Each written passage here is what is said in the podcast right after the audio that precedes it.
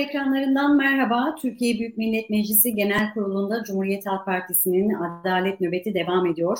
Adalet nöbetinde bugün 16. gün CHP İstanbul Milletvekili Yunus Emre yayın konuğumuz olacak. Yunus Bey merhabalar, teşekkür ediyoruz yayınımıza katıldığınız için. Merhaba Didem Hanım, ben teşekkür ediyorum. Ee, size ve bütün izleyenlerimize saygılar sunuyorum. Ee, Yunus Bey, şimdi siz e, Meclis Genel Kurulu'ndasınız. Çok da fazla vaktinizi almak istemiyorum. O nedenle e, hızlıca izninizle sorularıma geçeceğim. E, şimdi AK Parti yetkilileri benzer yargısal krizlerin yaşanmamasını gerekçe göstererek sorunun e, kökten çözülmesi gerektiğini belirtiyor ve bunun için de anayasada ve Anayasa Mahkemesi'nin kuruluşu ve yargılama usulleri hakkında e, kanunda değişiklik yapılmasını öneriyor. Dilerseniz bu e, genel çerçeveyle başlayalım. Siz nasıl değerlendiriyorsunuz geldiğimiz bu noktayı? Şimdi tabii e, iktidar e, partisi ve ortaklarının e, anayasayı değiştirecek e, bir çoğunluğu mecliste bulunmuyor. E, o yüzden anlaşılan e, birkaç e, projeleri var. Ne bunlar?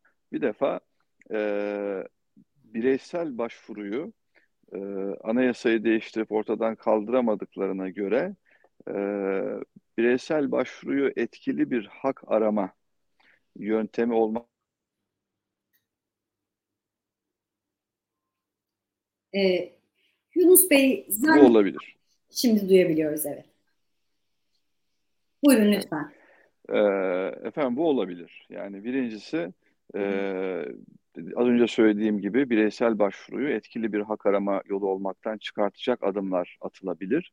E, ikincisi ise e, bunun da e, yani kulislerde konuşulduğunu biliyorum.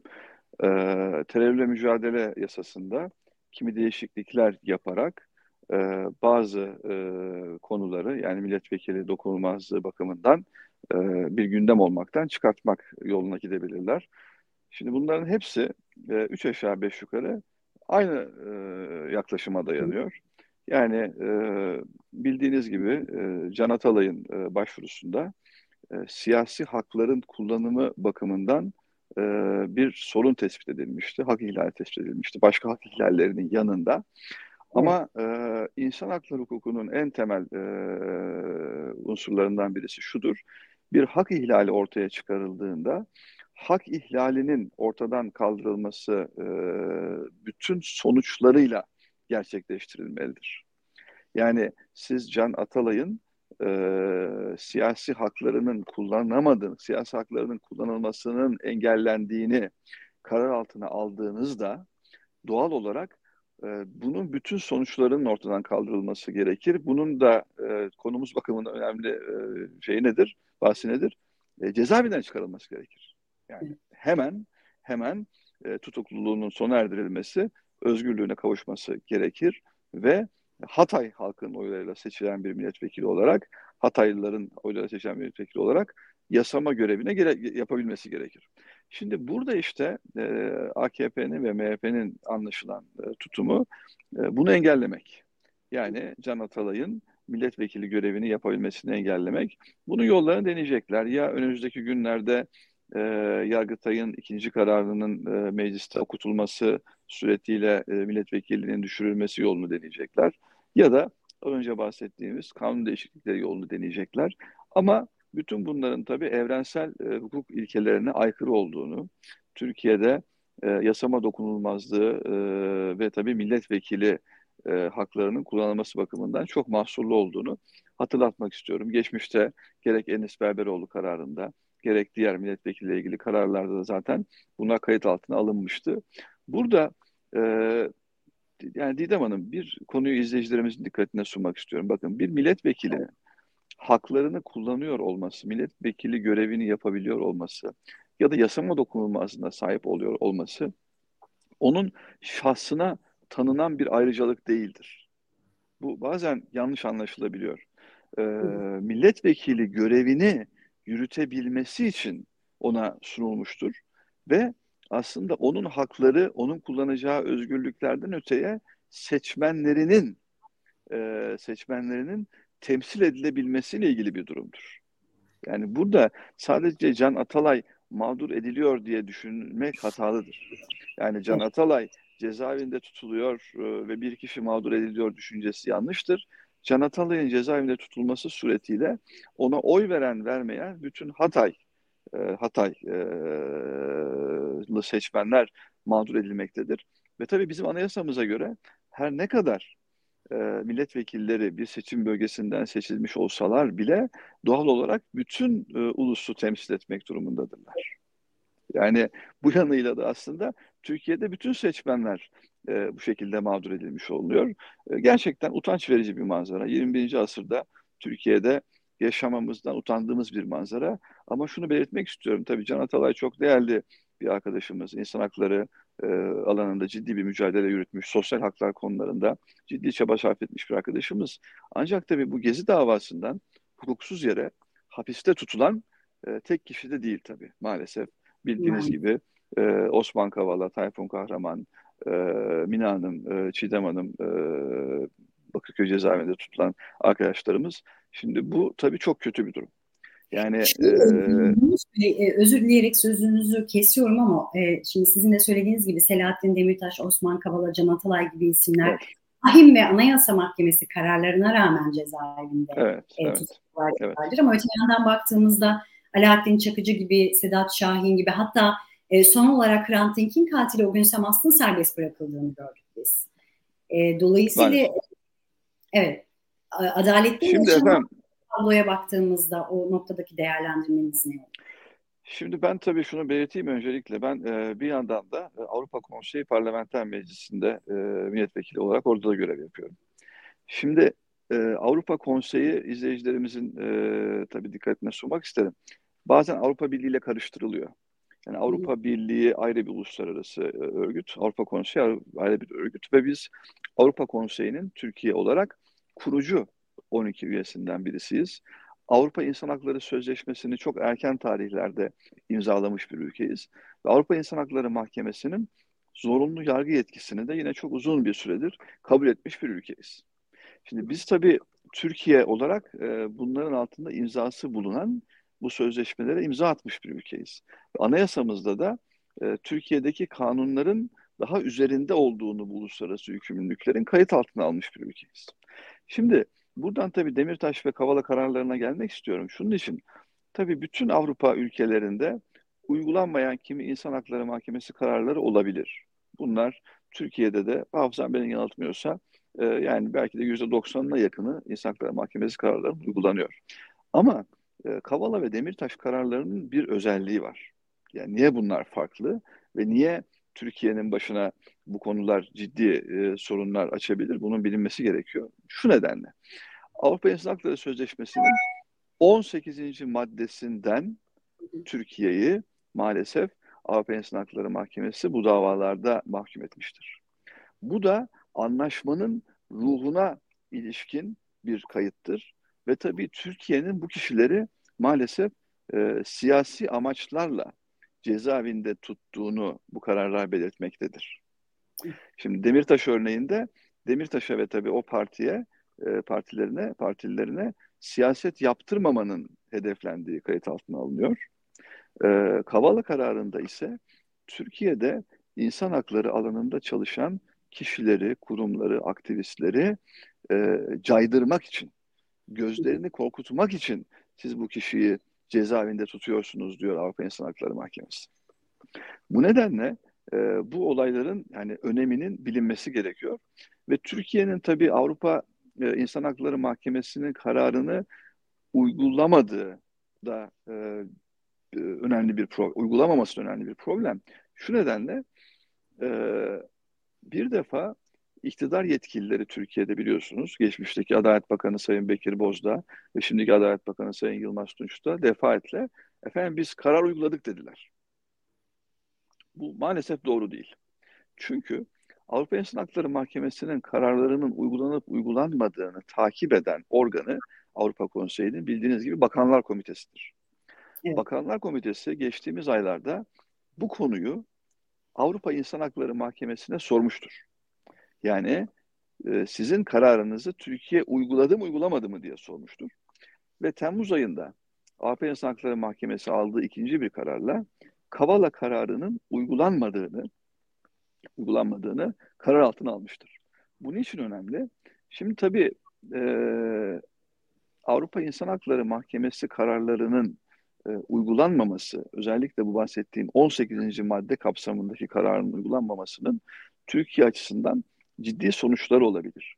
E, yükümlülüklerini yerine getirmeyen bir ülke olarak yükümlülükler, yükümlülüklerinden kaynaklı sorumluluklarını yerine getirmeyen bir ülke olarak sözleşmeyi ihlal ettiği Türkiye'nin bir e, prosedür olarak bir ihlal prosedürü Türkiye ile ilgili başlatılması biliyorsunuz gündeme alınmıştı. Ama bunun yanında tabii şöyle bir durum var. Benim de üyesi olduğum Avrupa Konseyi Parlamenter Meclisi geçtiğimiz Ekim ayında bu konuyla ilgili önemli bir raporu karar altına aldı. Yani bir e, karar, e, Osman Kavala e, ile ilgili bir karar alındı. Bu kararda e, başlığı kararın Osman Kavala'nın hemen salı verilmesi ne çağrı başlıklı bir karar. Bu kararda dendi ki e, bir defa Kavala'yı hukuksuz yere içeride tutan e, bu hukuk e, sorununu yaratan savcıların ve hakimlerin Osman Kavala için söylüyorum e, Magnitsky yaptırımları kanunu kapsamına alınması çağrısını yapıyoruz dediler. ABD Kongresi'nin biliyorsunuz Magnitsky Kanunu diye, Magnitsky Yasası diye geçmişte aldığı bir e, kanun var. Kabul ettiği bir kanun var. Yani insan haklarını ihlal eden kimselerin uluslararası planda yaptırımlara tabi tutulması ile ilgili bir kanun bu. Bu kanun kapsamına alınması çağrısı yapıldı ilgili e, savcıların ve hakimlerin. Bu birincisi. İkincisi Avrupa e, Konseyi'nin e, parlamenter asamblesiyle e, Bakanlar Komitesi'nin bir arada e, bu ihlal prosedürünü Türkiye'nin üyelikten çıkartılmasına varacak şekilde işletmesinin bir hukuki prosedürü var. Buna e, Joint Complementary Procedure deniyor işte e, müşterek tamamlayıcı e, prosedür. E, bunun başlatılması çağrısı yapılıyor. Yani Türkiye'nin Avrupa Konseyi üyeliğinden çıkarılmasına varacak şekilde Türkiye hakkında bu prosedürün e, başlatılması çağrısı yapılıyor. Bir diğer önemli konu, e, biz biliyorsunuz e, orada Türk milletvekilleri olarak görev yapıyoruz. E, milletvekillerinin yetki belgelerinin e, iptal edilmesi, yani 1 Ocak 2024'e kadar eğer Kavala serbest bırakılmazsa Türk milletvekillerinin e, yetki belgelerinin ip, e, iptal edilmesi e, ile ilgili bir e, hatırlatma ve çağrı yapılıyor. Şimdi bu niye önemli? E, biliyorsunuz 18 milletvekili farklı siyasi partilerden e, orada temsil ediyor partilerini ve Türkiye'yi. E, bu milletvekillerinin yetkili olarak orada bulunmaları adına credential denen bir yetki belgesiyle mümkün oluyor. Şimdi buna e, karşı çıkıldığında Türk milletvekillerinin orada e, bulunmasının e, doğru olmadığı ve o yetki belgelerinin iptal edilmesi gerektiği çağrısı yapıldığında bu tabii çok acı bir şey olur. İdem Hanım. Niye? E, en son 12 Eylül'de bu olmuştu. Yani 1980 darbesinde meclis kapatıldı. Bir süre e, dönemin milletvekilleri, bizim partimizden de rahmetli Turan Güneş ve e, Besim Üstünel e, gidiyorlardı Avrupa Konseyi Parlamenter Meclis toplantılarına. Bir süre gittiler. Sonra yetki belgeleri iptal edildi ve Türk milletvekilleri katılamadılar. Yani 12 Eylül'den sonra 40 yıl sonra e, milletvekillerinin Avrupa Konseyi'nde ya kardeşim sizin ülkenizde hukuk yok, sizin de burada yeriniz yok diye e, yetki belgelerinin iptal edilmesi bu çok ağır bir şey olur tabii. Bu bakımdan e, bu karar yani Ekim ayında 12 Ekim günü e, Osman Kavala'nın hemen e, acilen e, serbest bırakılmasına çağrı başlıklı kararın çok önemli olduğunu belirtmek istiyorum. Kamuoyu e, Türkiye'deki tabii siyasi tartışmalar ve tabii Gazze'deki insani dram nedeniyle bu konunun öneminin e, kanaatimce çok farkına varamadı. Evet, yani Türkiye'nin e, Batı kurumları içerisinde maalesef e, elinde bir Avrupa Konseyi kalmış gibi görünüyor. Yani Avrupa Birliği üyeliğimiz malumunuz e, bu iktidarın politikaları nedeniyle bir yandan da Avrupa'daki e, vizyoner olmayan e, politikacıların da e, anlayışı nedeniyle bir çıkmaza girmiş görünüyor. Türkiye'nin en azından yakın bir gelecekte Avrupa Birliği üyeliği e, hedefi e, gerçekçi değil maalesef. Bunu üzülerek belirtiyorum. E, işte bu şartlar içerisinde, işte bu şartlar içerisinde e, bir Avrupa Konseyi var Türkiye'yi Batı dünyasına bağlayan. Türkiye'nin batılı bir ülke olduğunu ve onun değerleri olan hukuk, insan hakları, demokrasi değerlerinin geçerli olduğu bir ülke olduğunu gösterebilecek elimizde bir Avrupa Konseyi var. Ve Avrupa Konseyi'nden Türkiye'nin atılması e, gerçekten çok kötü olur. E, bunu hiç istemiyoruz. E, o yüzden de iktidar e, tarafının e, olayın öneminin farkına varmasını bekliyoruz. Avrupa İnsan Hakları Mahkemesi kararlarının uygulanması bizim açımızdan da e, bir anayasal zorunluluktur tabii. Bakın evet. bu bilinmeli. Yani bizim anayasamızda kayıt altına aldığımız bir husus olduğu için yani bunu e, yani iktidar böyle bir şeyi bahşediyor falan değil. E, Avrupa İnsan Hakları Mahkemesi bizim sistemimizde bir önemli hak arama mecrasıdır. Ve oradan çıkan kararın uygulanması gerekiyor. Yani evet. o kararda hemen hemen e, Kavala'nın bırakılmasını gerektiriyor. Evet, çok çok önemli noktalara değindiğiniz her biri konuşulması gereken ayrı bir başlık. Özellikle yetki belgelerinin e, iptali çağrısı da ayrı bir konu ama ben buradan tekrar yeni anayasa çağrısına geri dönmek istiyorum. E, iktidar e, diğer partileri bu noktada ziyaret hazırlığında olduğu da konuşuluyor. E, AK Partili bir kurmayın yine bu konuda bir açıklaması vardı. CHP'nin e, kongresini bekliyorduk. Bir anlayış ve yöntem belirlemek istiyoruz. Bu konuda diğer partilerin de görüşlerini alacağız demişti. Bu noktada CHP ne düşünüyor? Olur da AK Parti tarafından konuyla ilgili bir temas kurulursa e, CHP görüşmeyi kabul edecek mi Yunus Bey?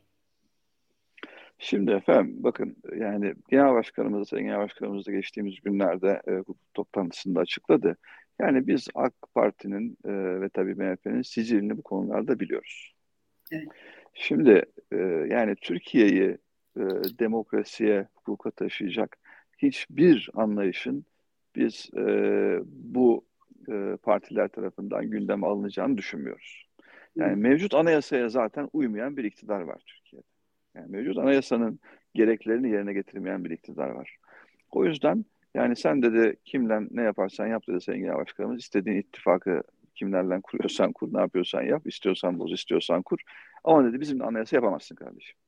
Hı hı. Şimdi bu niye önemli? Bakın geçtiğimiz 10 e, yıllarda anayasa hukukuna e, ve siyaset bilimine e, giren bir kavram var. E, Türkçe ifadesiyle suistimalci, istismarcı anayasacılık. Ne demek bu? Şimdi anayasa mantığı gereği iktidarı sınırlamak için değil mi? Temel hakları, hürriyetleri korumak için gündeme gelmiş bir metindir vatandaşı koruyalım, onun haklarını kullanmasını sağlayalım. İktidarı kullanmanın da bir zorbalık, bir tiranlık olmasını engelleyelim. Bir takım denge ve fren mekanizmaları iktidar gücünün, devlet gücünün kullanılması bakımından e, ortaya konulsun diye anayasa ortaya çıkmıştır. Şimdi ama son dönemde başta Türkiye olmak üzere birçok ülkede şöyle bir e, eğilim ortaya çıktı.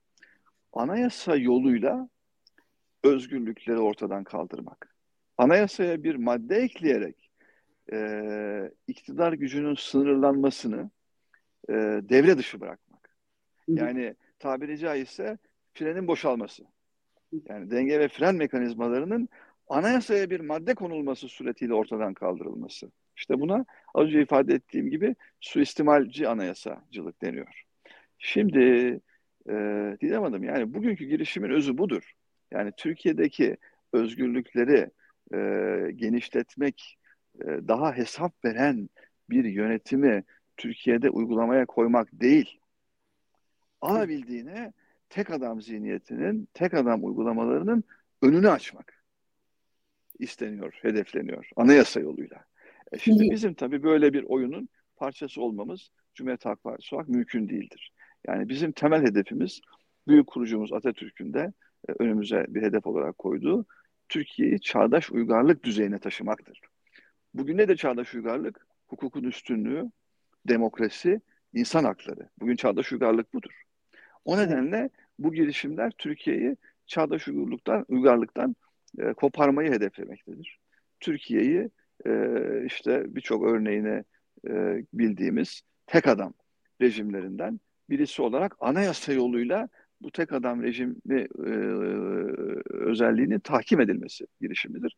O yüzden yani biz bunların içinde olmayız, bunların destekçisi olmayız. Peki. Şimdi Yunus Bey hani bu tip temel değişiklikler gündeme geldiğinde bizde ya da başka ülkelerde de yine keza iktidarlar açısından hep böyle gizli ajandalar aranır. Şimdi bu anayasa değişikliği içinde aslında kulaktan kulağa e, ne diyelim yayılan bir, bir e, söylenti var. Anayasa değişikliği taslağına Erdoğan'ın bir kez daha Cumhurbaşkanı seçilebilmesi için yeni bir düzenleme de eklenecek. İddiası diyelim elbette. E, siz böyle bir ihtimali nasıl değerlendirirsiniz? Şimdi efendim bir defa yani bunlardan her şey beklenir maalesef. Yani her türlü uyanıklık, her türlü e, yani Türkiye'de demokrasiyi e, askıya alacak her türlü şey beklenir. Ama şunun bilinmesini istiyorum. Yani biz başkanlık sistemine karşıyız. Biz parlamenter demokrasiyi savunuyoruz. Ancak şunu da biliyoruz. Yani dünyada çok az olsa da dünyada çok az olsa da başkanlık sistemleri arasında demokratik olabilen örnekler var. Niye bunu söylüyorum? Ee, işte başta ABD olmak üzere gerçekten seçimlerin olduğu, temel hakların e, anayasa yoluyla korunduğu örnekler var.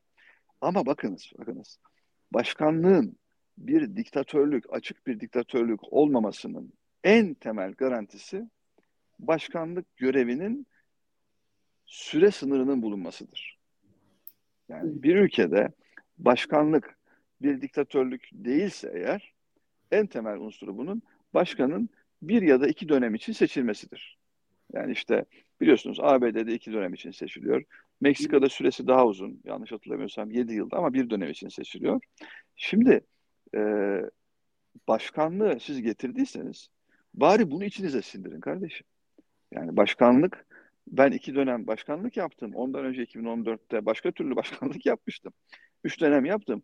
E, bir daha anayasayı değiştireyim, bir daha başkanlık yapayım. Yani bunun adı yani Türkiye'de bir diktatörlüğün kurulmasıdır. Adlı adınca budur. Yani başkanlık rejimi, başkanlık rejimi gele, ge, gelecek. Ben başkanlık rejimini iki dönem diye getireceğim. Bir de keyfim estikçe anayasayı değiştireceğim. Canım istediği kadar başkanlık yapacağım. Şimdi bu, o zaman adını koyalım bunun. Yani bunun adı başkanlık rejimi falan değil. Bunun adı mı? Adı diktatörlüktür.